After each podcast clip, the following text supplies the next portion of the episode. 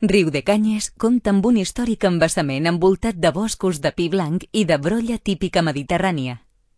El pantà, molt integrat al paisatge, és un espai bucòlic prop de destinacions tan atractives com el castell monestir de Sant Miquel d'Escornalbou, de finals del segle XII, i situat sobre el turó de Santa Bàrbara. El seu bon estat de conservació es deu a la restauració dut a terme per Eduard Toda a principis del segle XX.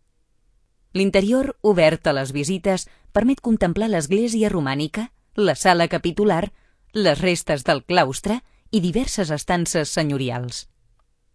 L'entorn ofereix itineraris per fer a peu com el passeig pel camí dels frares.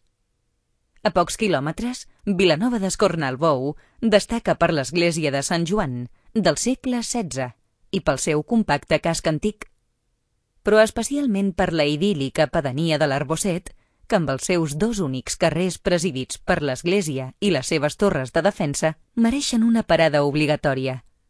A l'Argentera, les opcions són variades, des d'un passeig pel tranquil entramat dels seus carrers, delicadament empedrats, fins a variades excursions a la serra de l'Argentera o pel camí que arriba fins al castell monestir d'Escornalbou poden convertir-se en un bon plat per a petits i grans. Dues aigües ens permetrà admirar els dos monumentals ponts de pedra construïts al 1893 perquè el tren pogués superar els desnivells de la zona. Un dels ponts, el viaducte dels Masos, està declarat element del patrimoni industrial de Catalunya.